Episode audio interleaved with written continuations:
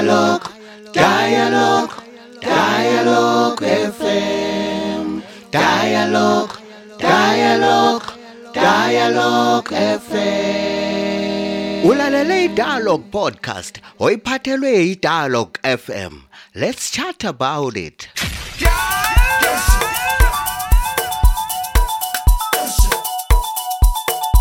njengokambe abakambe abakambe kukwamukela-ke ku-podcast yakho i-podcast ephakulelwa yithi kanye. Abangani bakho ngaso sonke isikhathi-ke khona phakathi ngikhuluma-ke ngedialog f m. Khumbule-ke kulula-ke ukuxhumana lathi.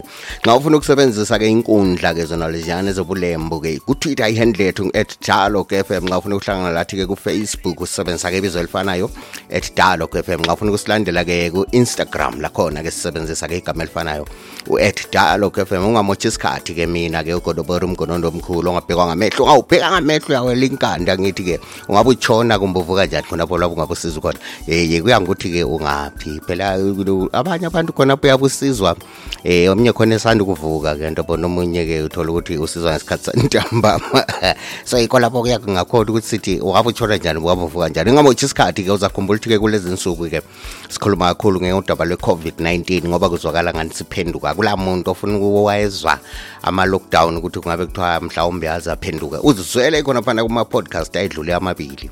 Abantu bekhuluma ke laphana ke ngovalo abalalo mayelana ke lodaba lono lwe-covid-19 ukuthi nxa isiphenduka besabani kakhulu. Namhlanje sisathi ke sikhangeleke ke ngamafitshane ngodaba ke lwe-vaccine. I-vaccine ikhambi lona liyana ke umjovo okuzama ukwenqabela ke umemetheka kwe-vaccine. Uzakhumbula ukuthi ke abantu ke laphana ke kufanele ukuthi ngabahlatshwa kathathu kodwa abanye bavilapha asazi ukuthi kati abantu udaba lwe-vaccine baluthatha njani. Okay mfowethu eh ingathi mina ngamafitshane sithanda ukubonga uhulumende ngemizamo ayenzileyo eh ngogatsha lwakhe lwezempilakahle ukubana kutholakale eh ama-vaccines ukuthi abanye ba- abantu bahlatshwe eh ukuze bavikelele ku- ku- ku- kulolu bhubhane lo langendlela zonke nje azenzileyo ukubana lufinyelele nje indawana zonke. Sikhuluma nje even lasemakhaya we hear that siyathola ukuthi eh, labazali bethu batholile ukubana bahlatshwe ukuvikeleka kulolu bhubhane. Sinje njengemuli lathi sitholile ukubana sihlatshwe ukubana sivikeleke yathi iqala ukubuya i-vaccine le. People babelokhe besifa so mina personally i didn't believe in ama-vaccine because sasithi singakhangela abantu especially singakhangela even lapha ezimbabwe first jab umuntu still wayesifa so kwakungela change engawo. And uh, that made uh, HHM bavuma sibili ukuthi you can we can dabble both sides but uh, mina personally i don't believe. Okunye okukhathazayo ke kakhulu ke ikuthi ke eh, kukhanya ngani kulamabandla amanye ke laphana thi thina nxa silandela wethu umthetho webandla asivumela abantu amalunga ethu ukuthi ahlatshwe into lezi ezinjengamanjekiseni into zesikhiwa lezi. Athi manje pho kungenziwa njani ke laphana ke? Ukuthi kuzanywe ke laphana ke ukuncenga ke abantu ke abakhonzayo kakhulu emabandleni ona lawo ayenqabela into ezinjalo. Kungenziwa njani ngawo ukuze lawo behlatshwe? Ngoba kuqakathekile phela ukuthi behlatshwe. Baningi kakhulu abantu ke abakhonza kuwona la amabandla eh, yale mithetho ke eyomleyo imithetho elikhuni enjengawona leyo. Kungenziwa njani ngawo? Into sibili engayenza kumbe eyayisenza ukuthi eh kungakwanisa ukuthi kube lula abantu abaningi bakwazi ukuhlaba bakwazi ukufinisha ama-course bakwazi ukuthi wonke kakhulu kuma-apostolic sects it's uh, ama-workshops uhulumende uh, should, should, should create workshops whereby we, we have these nurses and doctors coming to to us as leaders wama, wama apostolic sect to teach us about covid-19 to teach us about ama vaccines. Then we also take these uh, um, teachings uh, uh, these lessons to our members because our members they adhere to what we say our members they don't adhere to what the government says. Our members they don't adhere to what uh, uh, whoever will say. Bona bakholwa thina. Bakholwa ama-leaders abo bakholwa bakamoya bakholwa ukuthi umoya uthe. So bengafundisa thina thina sibe sesithatha ama-lessons lawana siwase kubo. Sebatshele whether ngumoya okhulumileyo whether yilesson ekhulumileyo they follow khonokho ngoba bona bakholwe kithi.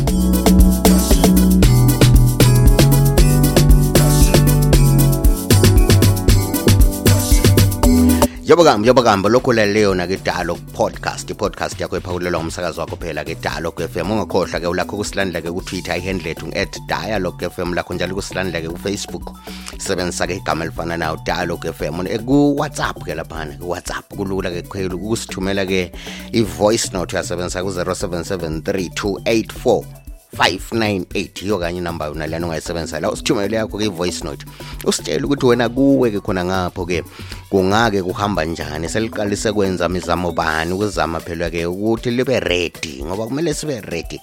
Ngoba nxa kukhulunywa kuthiwa isikhona kwamanye amazwe lathi kumele sibe ready ngapha. Eh olunye udaba olukhona ke liphana ludaba lokusetshenziswa kwemithi yesintu ke yasebenza kakhulu idlaleke indima enkulu eqakatheke kakhulu ke imithi yesintu ngesikhathi. Lokhu kwaqala ke covid-19 ngoba baningi abantu ade besebenzisa ke imithi yona lana yemvelo into ezifana labo ginger labo garlic ye yiyona leyana yimithi ke imithi yemvelo ke lana ngama natural herbs ke lawana. So ke khona ke leminye imithi ayisetshenziswa ngabantu ke ngesikhathi zona leziyana. Thina izihlahla sizisebenzisa kakhulu.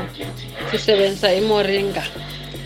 Kodwa amalanga lawa e-covid besisebenzisa kakhulu umsuzwane for ukufutha even lekunatheni but ekunatheni isikhathi esiningi vele thina imoringa nalana siyagebha sithathe ama-roots nalana siwawomise siwagege ebe yipowder sithathe abantwana bemoringa siwachaye siwagige ibe yipowder siphinde sithathe la mahlamvu angikhona nalana sibe sesiwachaya. Singachaya sesiwagiga la sesiba yipowder. So ekuseni ngoba nxa sesidle iporridge sathatha ipowder siphosele sidle eporijini emini etiyeni lako senza njalo.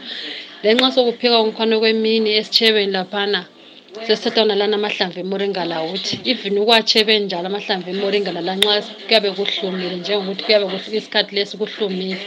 Sathatha amahlamvu lana emoringa siwasikelele sitshebe ngawo.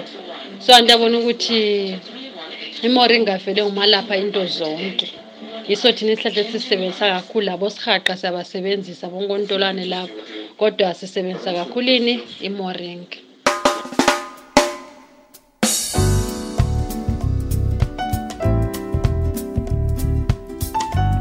Sesigijimela ke kuyafika konqengetshe ke uhlelo lwakho kodwa singafiki khonapho ke eh yiwaphi ke amanye kamaqhinga esingawenza lathi ke njengozulu ukuzama ke ukulungiselela ke lapha sibe ready lathi sihlale si ready ukuthi ngai covid-19 eh ungathiwa nansi just got few things uh, which I'm going to share with you right now on how to how we can prevent ourselves and our loved ones from getting COVID.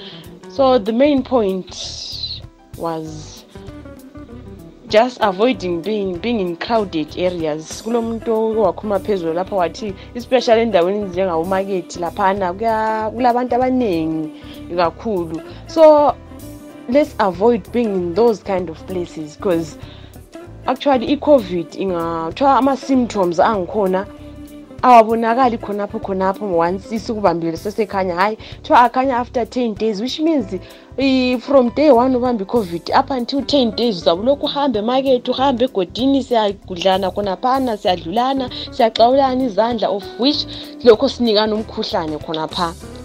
Then let's avoid shaking hands eh ukuba uku- ukhu- ukukhulumisana si- si- sixawulana izandla yebo yinto esijayileyo uzwa uzwa uzwa you feel like you have you have showed love by by ukukhuluma ukukhulumisa umuntu umshake isandla than ukuthi umkhulumise nje ngomlomo but ngokutsho kwalabo abangani balolwazi covid bathi ukukhulumisana by shaking hands is not a good thing because it actually spread the covid-19 the, the virus. Then there is this another thing ukuthi ukuqakathekile ukugeza izandla kakhulu. Nje ungakabambi izinto eziningi ungakaxawuli abantu izandla kumbe ufikile emashophu wathenga okuthengayo ufika endlini ugeze izandla. Uthiwa ukugeza izandla isikhathi esiningi nje into eqakathekileyo ngoba izandla zethu zibamba into eziningi abubamba abantu izandla. Lokhuyana okubambileyo emashophu okuthengileyo kungabe nje ubanjwe ngumuntu ole-covid.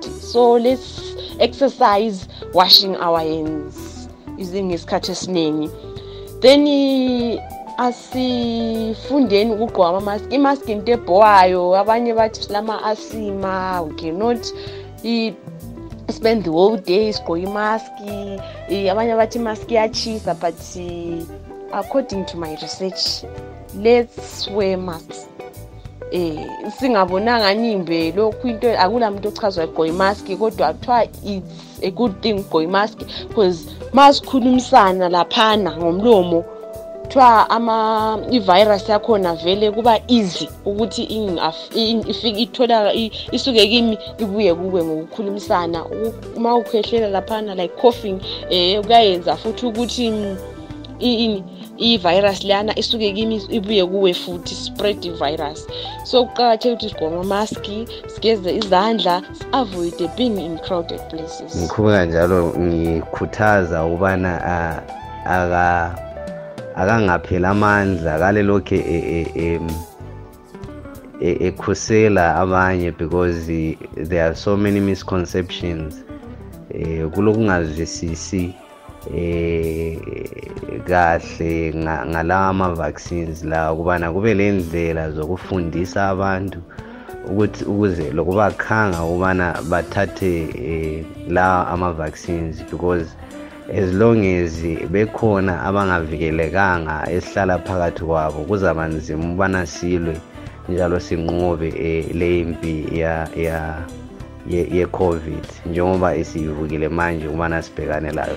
Ngalokho-ke sesifike konqengetshe-ke uhlelo lwakho kolanamhlanje-ke phela-ke lapho i-podcast yakho yanamhlanje sisebuya-ke sixoxe ngokunye okulandelayo kuphathelane le-covid-19-ke ku-podcast yethu elandelayo. Kusukusela kimi-ke umgonondo omkhulu ongabhekwa ngamehlo ngithi kwanamhlanje kwanele. Ukhumbule phela-ke ulakho kusilandela-ke kutwitter ihandle yethu ngu-at dialogue fm ulakho njalo kusilandela-ke kufacebook ikhasi lethu libizwa ngokufana nayo dialogue fm lakho njalo kusilandela-ke ku-instagram sikhona njalo khona phana sisebenzisa-ke ibizo elifana nayo. Udialogue f m kuwhatsapp lakho usithumela-ke i-voice note yakho ku-0773 284 598 awuthi ngiyibize kakutsha unalani inombolo 0773284598 usithumele-ke lawo yakho i-voice note uzame phela ukuthi i-voice note yakho ibe ngani izwakala kahle phela ibe ngani icacile ube sendaweni engelamsindo nxa usenzela-ke i-voice note. Kusukusela kimi ngithi kwanamhlanje kwanele usale kamnco dialogue dialogue dialogue